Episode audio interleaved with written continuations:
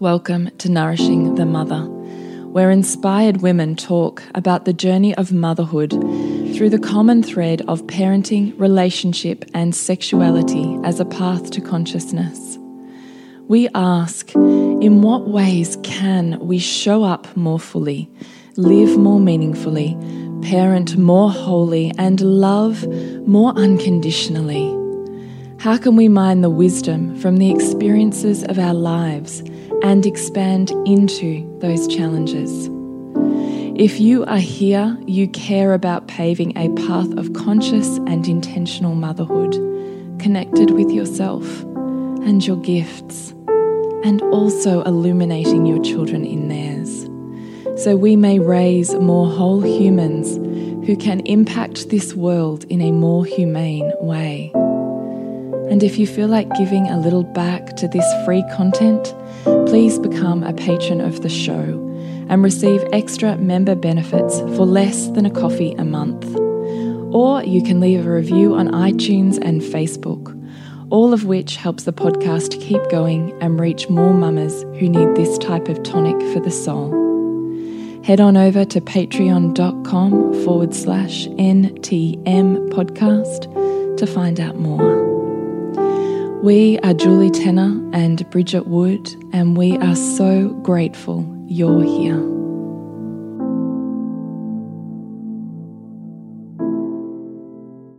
Hello, and welcome to Nourishing the Mother. I'm Bridget Wood. And I'm Julie Tenner. And today's podcast is The Roadmap to Deepening Your Relationship.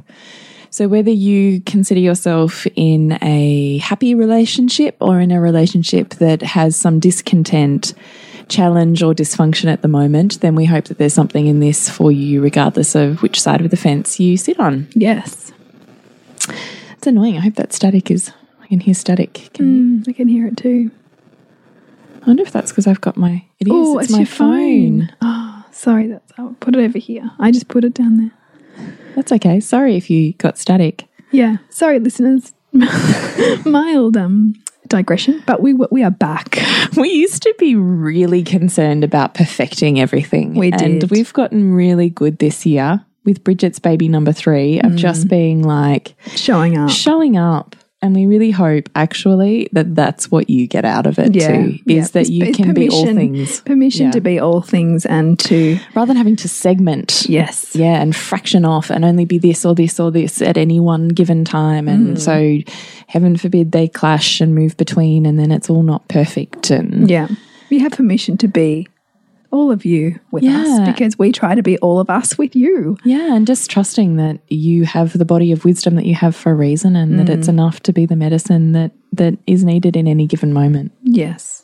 So we hope that's p- the permission you get from us messing up, actually. Yeah. We hope. So before we dive in, we'd love to remind you to jump onto nourishingthemother.com.au and scroll on down to the red banner where you can drop in your email address to join our tribe. And once a fortnight or so, we will send you an email with links to everything we've put out in the world, and you can pick and choose where you would love to dive deeper. So nourishingthemother.com.au. Yes. Come join our tribe. Come do it. So, the topic of relationships. So, this is mm. really big. So, Jules Man, you and I could talk about relationship till the cows come home. we really could, and we often do in our private time. Whatever that is. Yeah. Our, our time that's not always recording podcasts or doing courses and things. And I guess it's probably useful for our listeners to have a bit of a background on, I suppose, why we have the body of knowledge that we do on relationship and Okay. and you know we'll just briefly i suppose just give that little backstory um, i can for as long as i remember uh, you know have a deep value on relationship and connection and i think it probably comes from really trying to understand my own emotions and then how i related to other people and or didn't. Often i think often it was a pain of not relating that mm. gives you this drive to seek That'll do it. understanding um, mm-hmm. of how to relate better. Mm-hmm. And certainly in, in terms of relationship with my husband or my now husband know i've been with him since i was 18 i'm now 34 you know so it's a really long time to be with one person and a long time to continue to meet yourself through that person. Um, and you know, bring commitment when it feels hard, and bring commitment when you want to dive deeper and feel more in relationship, and not um, subscribe to maybe social stories around, um, you know, people are just as they are, and you have to, you know, accept the status quo or accept That's a, that's a cultural status quo, that one. It's not even a story. Yeah. Yeah. Just uh, accepting, you know, blah, I suppose. To rise beyond that and see, you know, as both of us do, relationship as an opportunity to grow you um, and to help you, help polish you so you can be more of you in the world, which won't always look comfortable, I must say. And so I think it really does. I think that's the problem, though. I think we have it's a grown rom fantasy rom romanticized relationship. totally. Yeah. Hence why we all love a bit of Fifty Shades of Grey. Yes, the escapism and the mm, fantasy. Mm, or vampire stories and movies. Like, pick your poison. Yes. Right? Yeah. The Disney princess, like, pick it. But all that shit, man, like I just think it just takes you so out of appreciation for what you've got. Well, I also think it's a bit of a cultural experience of not normalizing challenge. Yeah, Because we're so about comfort. it's true. And, you know, the most, like, we don't walk to school anymore. We're not, Yeah. you know, so poor, we're shoeless and, Yeah. you know, don't have clothes and food for winter. Yeah. And we don't actually have a normalized experience or tolerance for pain. Mm. And when the going gets hard, we can quit. Yeah, and there's a myriad ways in which to numb and avoid and gloss over.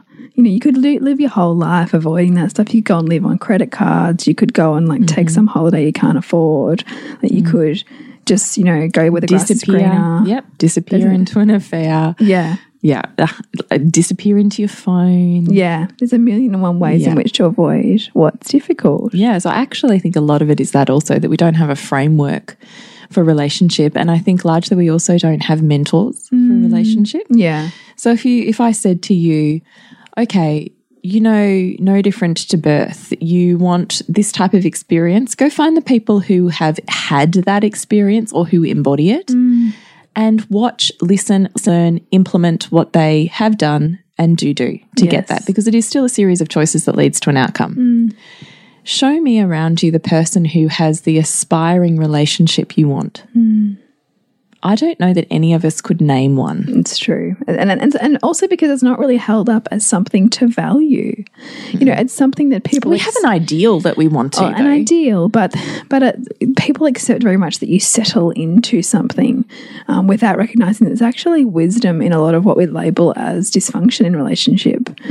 Um, and in fact, that's wisdom for us to understand and appreciate more of, so that we can allow our husbands or partners to become more whole, so we get permission to be more whole, which is what we're going to to explore a little bit more.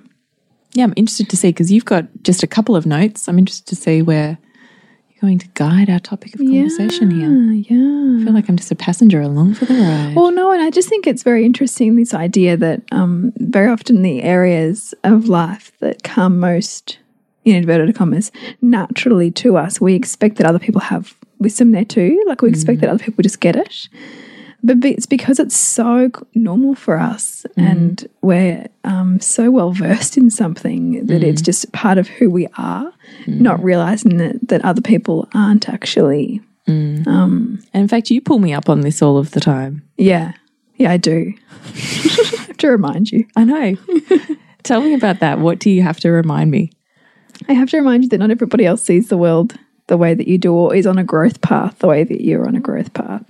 I sort of have to remind you that with your children too. Yeah. 100%. because we all do this. We all think that other people know what we know, should see things the way we should see them, um, grasp things as quickly as we might grasp them. Yeah. feel things the way that we feel them, you know, pick up on dynamics the way that we pick up on them.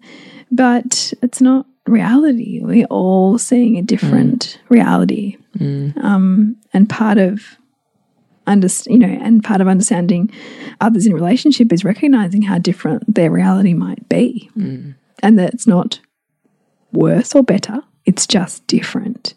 And that is, I think, one of the most humbling things about relationship is for us to see how can this be a win win for both of us to self actualize and not this dance of someone's always winning and someone's always losing and mm. there's always this compromise and how can it be that we can love each other enough to see that what's important to you is important to me, and what's important to me is important to you. Even if we wouldn't choose to spend our time the way each partner spends their time, we can recognize how it is of value mm. and not negate what they, you know, love to do. Because so often we marry, you know, or partner with a complementary opposite who, you know, does shit that we just think is boring as batshit and, you know, couldn't possibly be how you know, it would be a fun way to spend our time. And yet they do that. And how can we love them in that? How can we, you know, revere that which we would not choose for ourselves, but which we can see how light somebody else up? I mean, that's love to me because then you can see them for who they are and their expression of service to the world and, you know, their separateness to us and loving them in that separateness well, I actually think it's ironic because I think that we marry the person who has just enough crossover from our family of origin mm. that we mm. are destined to hit our sore spots mm. and just enough difference that we are excited and enticed. Mm. And that's a perfect, perfect crossover, isn't it? It's well, just, just enough intrigue and excitement mm -hmm. and just enough ability to shit you to tears. Well, except the funny thing is, the thing in the start of relationship that you found intriguing, interesting, attractive, sexy, drawing, mm. you know, are the very things you come to despise. Mm. And are the very things you say you can't stand anymore, you can't live with anymore, you yeah. can't handle. I think that is ironic. It's funny that that's in fact the, my mother said the very same thing to me actually quite recently when we were talking about that. Maybe the very things that you loved about him are the things that also really annoy you right now. it's really true. true. Yeah. But I find that so interesting because there's part of us, it's it's the push pull, isn't it? Mm. I want it, and when it gets too close, move away. Yeah, yeah. Right? It's a dance. Yeah. So you've also been in relationship with your husband for a long time. I have, yeah. I met my husband when I was 20. Mm. Mm, we've been together nearly 18 years. It's a long time. Yeah, it is a really long time. Mm, it's like nearly half your life. Yeah, I know. Isn't that crazy? I'm nearly going to be with him longer than I will have lived without him.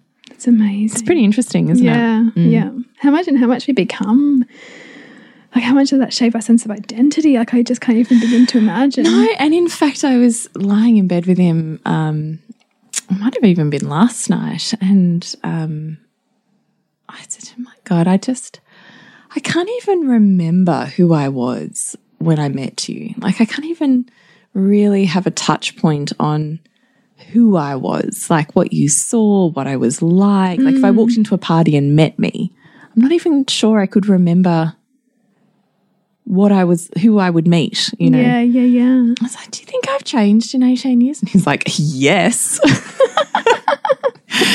I said, really? How do you think I've changed? And essentially, his answer was, You're more tolerant. Ah. Which I found really interesting.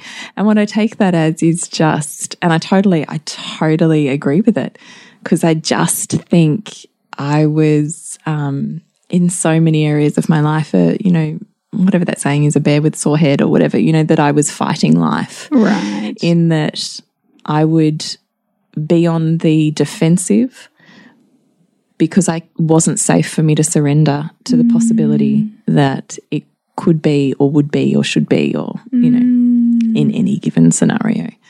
And I think that's the wisdom of, of middle age, of life experience. I think you move from, you know, having the fire in your belly of youth and yeah. charging forwards to right all of the wrongs yeah. to realizing you are both the right and the wrongs. Mm. I think it I think what it actually is also is you know that that Rumi quote, you know, I um I think what what does he say? What was it? Um I thought I was clever and I wanted to change the world. Now I am wise and I'm changing myself. Mm. That idea that we want to go out there to try guns blazing and fix all the things that are wrong with the world and other people until we take that mirror inside and go, ah, That's wisdom. here's the contra I am the contradictions. Mm. And I think that's, you know, that's a really beautiful experience. And I don't think that you can have that experience without experience. Yeah. I don't think you can end up with the type of wisdom that all of us have if you hadn't had the years of wisdom that led you to knowing that. Yeah, me too. So, um, we were giving wrap ups, weren't we? Did you Yeah. finish your wrap up? Kind of. I gave a brief intro. Is there anything left? No, that's enough. I'm sure it- it's gonna it'll come as we unravel this, I think. Okay. Yeah. Um, so what do I come with? I'm just interrupting our podcast on the roadmap to deepening your relationship to let you know that at the end of this month, we'll be having a live course drop of Deepen, the roadmap of relationship, resolving conflict, healing hurt, implementing change, and sinking into intimacy. So if you'd like to be involved in the live webinars for those, intimately ask questions, riff with us, then jump into soul driven motherhood now, which is just $1 to try out for the first month. And we continue to show up in there in ever evolving ways and in ever evolving conversations about relationship, intimacy, sexuality, and parenting. You can, if that's not your jam, you can get it as a downloadable bundle. So, deepen the roadmap of relationship, or certainly our roadmap. And we would love you to check it out at nourishingthemother.com.au or Nourishing the Mother on socials and look for Deepen. I've been sinking in more deeply, as I said to you when I walked in here tonight, was I just ran a women's circle that was more of an embodiment workshop. And I'd said to you, I just have realized really that it's safe for me to own the mastery that I have over understanding the movement of energy within and outside of my body. And because I had never been to a tantric school, I haven't attended, you know, the course or the certificate or the, you know, la la la. I was always like, oh, you know, I can't teach that. I don't really know it all, blah, blah, blah. And then over the last couple of years, and particularly because I've worked with women and their bodies for so many years, I just all of a sudden have like climatically realized, ah, I didn't go to the school to learn it because my house was the school. My home that I grew up in was the school. And I realize the older and the wiser that I get, that there were so many lessons that my yogic tantric father gifted me that I was completely Unaware of. completely ignorant to. You know? And it's only as I am reaching midlife that I look back and go, oh, right. So, really, when I thought he was talking about this, what he was talking about was way down here. And I get it. And so those things that, that were kind of landing in your consciousness 20 years ago, 25 years ago, 30 years ago, uh, and being embodied in your consciousness. now. Yeah, I mean, I literally now can, you know, now that now there's this advent of social media where you can get access to all of these great teachers and their, you know, IGTVs and all this stuff, and there's all these, you know, mini lessons coming out, and I'm like, oh, I learned that when I was eight. Ah, yeah, I kind of always knew that. Ah, no, I know how to do that. then I've started to go, oh, I had a school, it just didn't come with a certificate. had, you had the school of life. Yeah. Yeah. So I hope what I bring to the table is a body literally and metaphorically that can help you learn how to navigate energy. I love that. I hope that I hope that my body is medicine if you're in my sphere. And I think that when we consider what consciousness is, that is certainly involves this realm. Mm. Your body as medicine. Hmm. I hope so. I think I've spent this, you know, whole nearly 40 years rallying against that which I am of. Wow. You know? It's pretty profound. I know. I know. So you better be ready for my 40th, Bridget. I'm grateful that your body is medicine. Feels medicinal to me. Hmm. Thanks. Thanks. But I think what that means is that also in my evolutions of relationship, um, Those ed the edges that you've had to face in in terms of that body. Totally, Yeah. and learning how to integrate and get a handle on the mind before it takes over my mm. experience in my body. Yeah. And learning how to come back into my body when I have a mind that's wired to overthink and project. Yeah. and how to develop a mindset that is continuously opening to my partner in new and ever evolving layers of mm. curiosity, attraction, and I don't know, something else. I'm not sure hmm. what. I don't think that you can ever know someone so much that there's nothing left to know. No. And in fact, the older I get and the longer I'm in a long term monogamous relationship for, the long, more I think how foolish that is that we go seeking in, in a multitude of people for the very thing that was always present hmm. Because we hadn't unlocked it in ourselves and therefore we hadn't learned how to unlock it in another. And I think that that, I mean, I keep coming back to the work of yourself as a way to see more and feel more and deepen your relationship with your partner. Mm. That to me is whenever I have worked on myself, whenever I have done that work first on the energy that I bring to my relationship, on the way in which I own myself what I desire, what I'm projecting, what I'm expecting. Mm, you know, like my my relationship shifts, and mm. this is what reminds me that we think we know them, mm. but we oft very often only know We only know the, the, lens with which we're viewing Man, them. we only know the movie we're playing. yeah, yeah, question is do you want to believe the movie you're playing is reality or do you want to learn your movie and look behind it at the screen mm. on which you're playing it yeah. And that can be really like icky to start to go, oh, that thing that I've made up about them. I've just counted 50 ways in the last two days that I have just done the exact thing that I judge them for, that I, you know, feel recoil in my body for, that I see in them, that I want to shrivel up and die when I witness in them and that I feel like I um, can't even breathe sometimes because I see in them. oh, wow. that- okay, that's me. Well, fuck. but bridgie hang on there's a step before that because that takes an enormous amount of work to be able to look for the evidence of Yeah, that because you actually have to take that trait and expand your lens on it mm.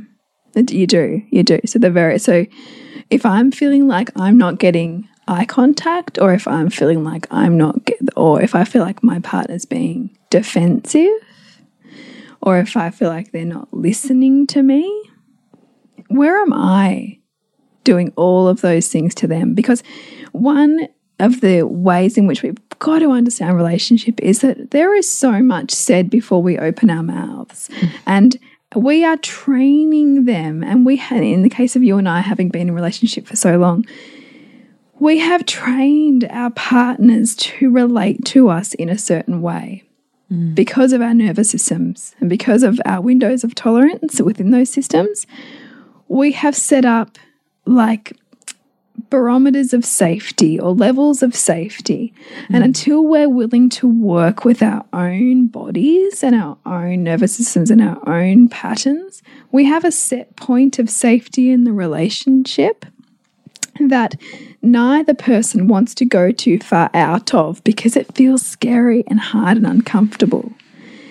But we have to be willing to work with that and be willing to own the ways in which we show up and don't show up that are creating the relationship patterns that we have. Because we have to be willing to do the work with ourselves. I know that we talk all the, you know, all of the common stuff talks about you've got to communicate. It's all about talking. You're already communicating whether you're opening your mouth or not, right? Mm. And you know, if it's communication that's hitting the same snag of defensiveness or shutdown or, you know, what pick your poison, pick your pattern. that's a feedback. It's not about you blaming that person, it's about taking that inward. But this is the work of relationship. The work of relationship mm. is to shape you, to mold you, to refine you, to be more of you. But if you get stuck in the cycle of blame or projection, it, it, it, it stagnates, I think. There's so much in in that um, willingness to see ourselves, I think, that helps us grow ourselves in relationship. What tips do you have for stacking the evidence on a trait that you hate mm. where you are the same? So you hate this thing. Yeah. And they might display it in this, what you perceive to be this one way. Mm. How do you, well, I don't do it that way. I don't do that. Yeah. What do you do then?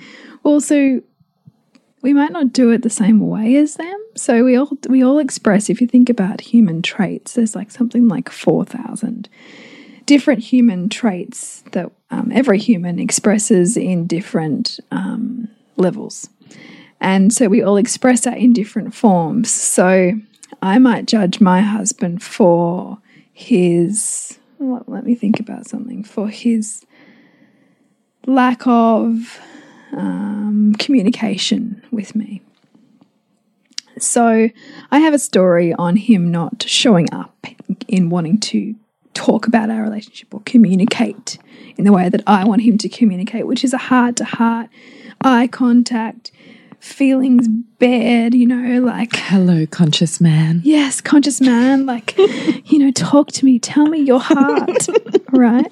So I have this fantasy I have this ideal that I that he should communicate in this way with me. And so if I'm if I'm always wanting that from him, he's never going to live up to it because I have this projected fantasy on how he should be. And I continually think he's not that and he can't be that because he's never met me in that way before. And I build a story around that. But the reality is, I'm only choosing to see it one way.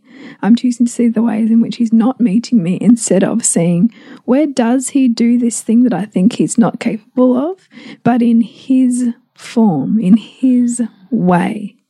So a little bit like, you know, this idea of the love languages where everybody shows their love in their own form or language.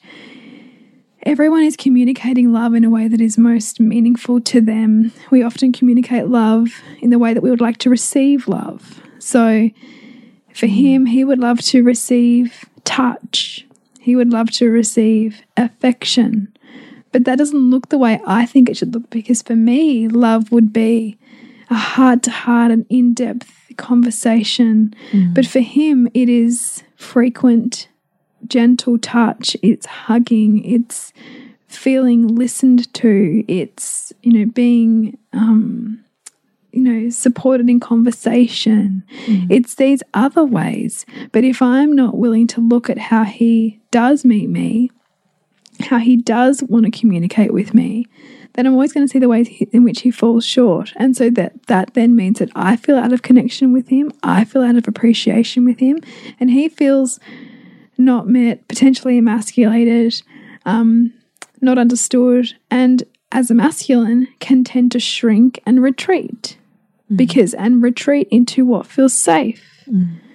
Which creates further disconnect in the relationship because we're going to move away from the thing that we we'll move away from the yeah, yeah. We'll, we'll kind of move away from the wounded place, and we then create smaller and smaller roles in which our partner can show up for us in because we've made that wrong and that wrong and you can't meet me here and I don't expect that from you because I know I can't get it you know and we build these stories which which morph who our partners truly are into these narrow kind of small identities of what of what we think they are but aren't true. Mm.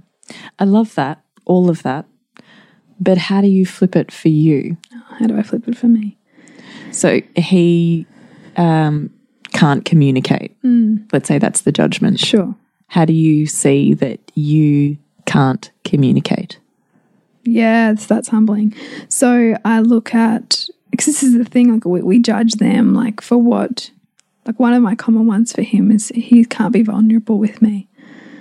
And if I continue to hold that, then where can I not be vulnerable for him? Where am I not communicating with him?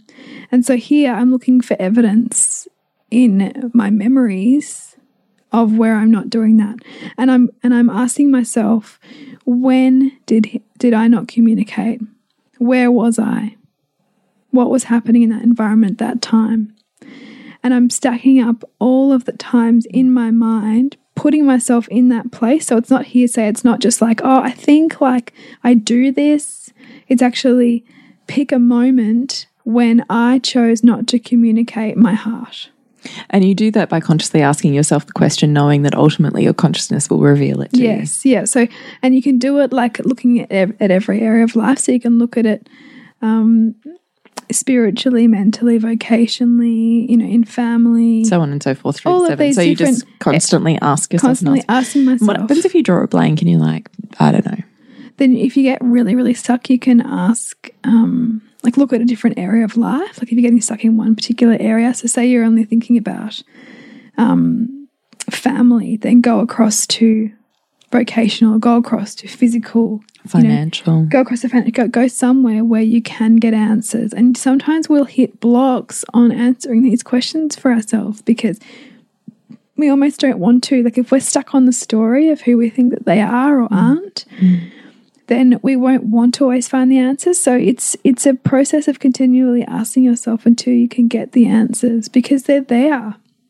And the bigger the emotional trigger mm. or charge we have on our partner for for a particular trait, the more it's trying to reveal where we are also the same, where we are also that very thing which we perhaps despise in them. You know, we are that to the same degree, but it just looks different. And so, we, and because it looks different, we're finding it harder and harder to see where we do that, where we are that.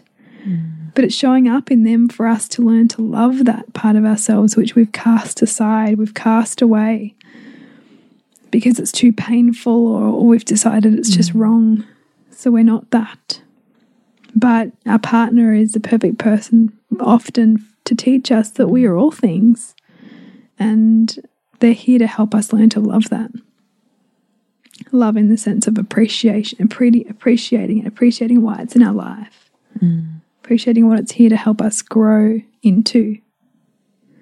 Mm.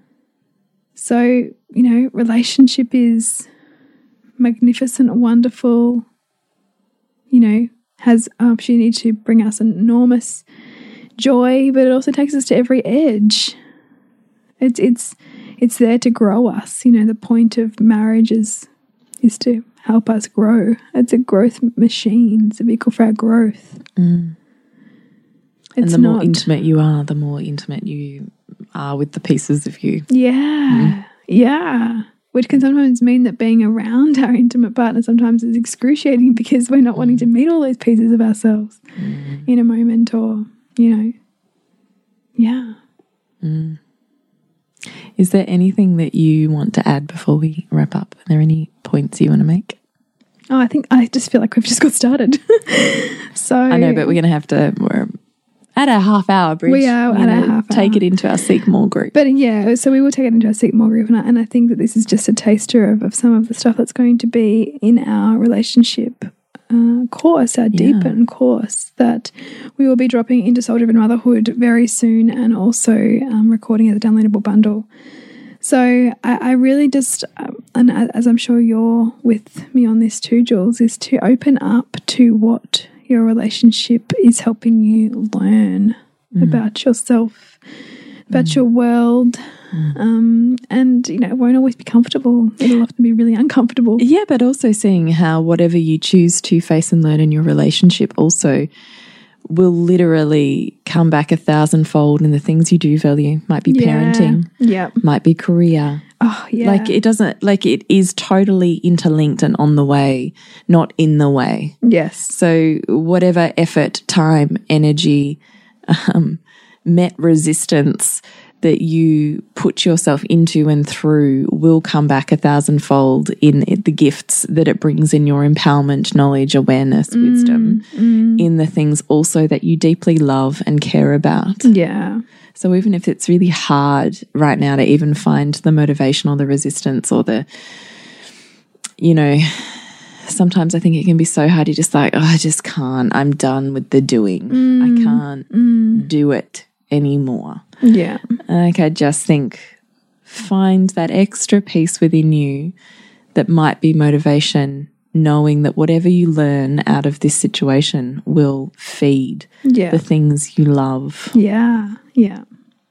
Totally. It's a really good way to finish it. Well, and your children being front and foremost of Yeah. that. Yeah. And I think, you know, when you have a high value on raising children, I think it, it, it kind of, well, in my case, it gives me a high value on relationship. But like they, they, they feed each other because I know mm. what I'm learning here is helping me parent mm. and helping me lay the foundation that I want to lay. And beyond that, I always take the responsibility because they're learning. They're learning about relationship. Yeah. They're learning about love. They're learning about intimacy by watching you, Yeah. by feeling you, your dynamic. Mm. And they will pattern repeat It's the really dynamic Yeah. that you have with their dad or mum in order to gain healing, wisdom, insight, and their own version of mastery. So I always think whatever I'm willing to face, hopefully on some level, saves my children from doing it. Yeah.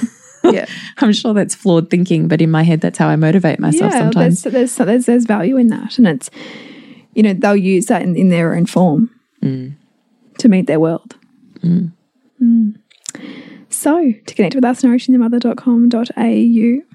You can find out more about Deepen through nourishingmother.com.au and it'll certainly be on our socials. It will. So Deepen, the roadmap of relationship. And connect with you, Bridge, Suburbansandcastles.com and you, Jules. the pleasurenutritionist.com. I was about to say suburban sandcastles. Oh, oh You're coming away with me. All right. Okay, remember to nourish the woman to rock the family. And we'll see you next week when we continue to peel back the layers on your mothering journey.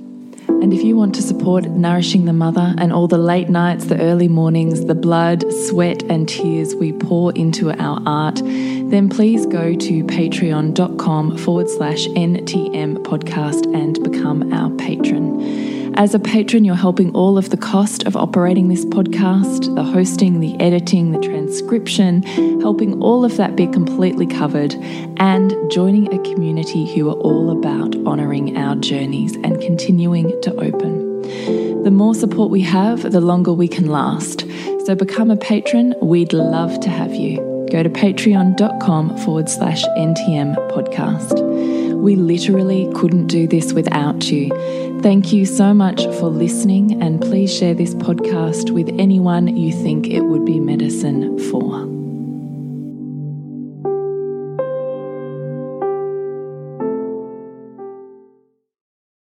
The 2019 Wellness Summit is almost here. I love being at these events. They're always such a great, positive environment. It's been really great to um, listen to like-minded people and to um, meet a few people actually. I've been to every summit and I've been to every one and I'll always keep coming. It's always inspiring. It's been a real eye eye opener. We're actually signed up to go to the breakthrough now. It's very motivating. I think it's great to listen to people who are inspired. And there's always something to learn and something to take away. I think uh, for myself and giving myself that um, opportunity to, to learn. There's so much going on in life and everything that you can get distracted and forget the things that you should be doing. And this always reminds you to get back on track and, and um, to focus on the things that are important, a holistic health. Just do it, yeah. Just yeah, suck it up and do it. It's uh, it could be life changing, yeah. I would say it's awesome and it's the start of changing your life. Come along, see what it's about, and enjoy it. It's an amazing event with like-minded, positive people, and you can't help but um, walk away feeling great. Positive Mentor presents the 2019 Wellness Summit, August 17 and 18 in Melbourne. Can you afford to miss out? Tickets at thewellnesssummit.com. This has been a production of TheWellnessCouch.com. Check us out on Facebook and join in the conversation on Facebook.com forward slash The Wellness Couch. Subscribe to each show on iTunes and check us out on Twitter. The Wellness Couch, streaming wellness into your lives. Whilst the Wellness Couch presenter endeavor to provide accurate and helpful information to their listeners, these podcasts cannot take into account individual circumstances and are not intended to be a substitute for health and medical advice from a qualified health professional. You should always seek the advice of a qualified health professional before acting on any of the information provided by any of the Wellness Couch podcasts.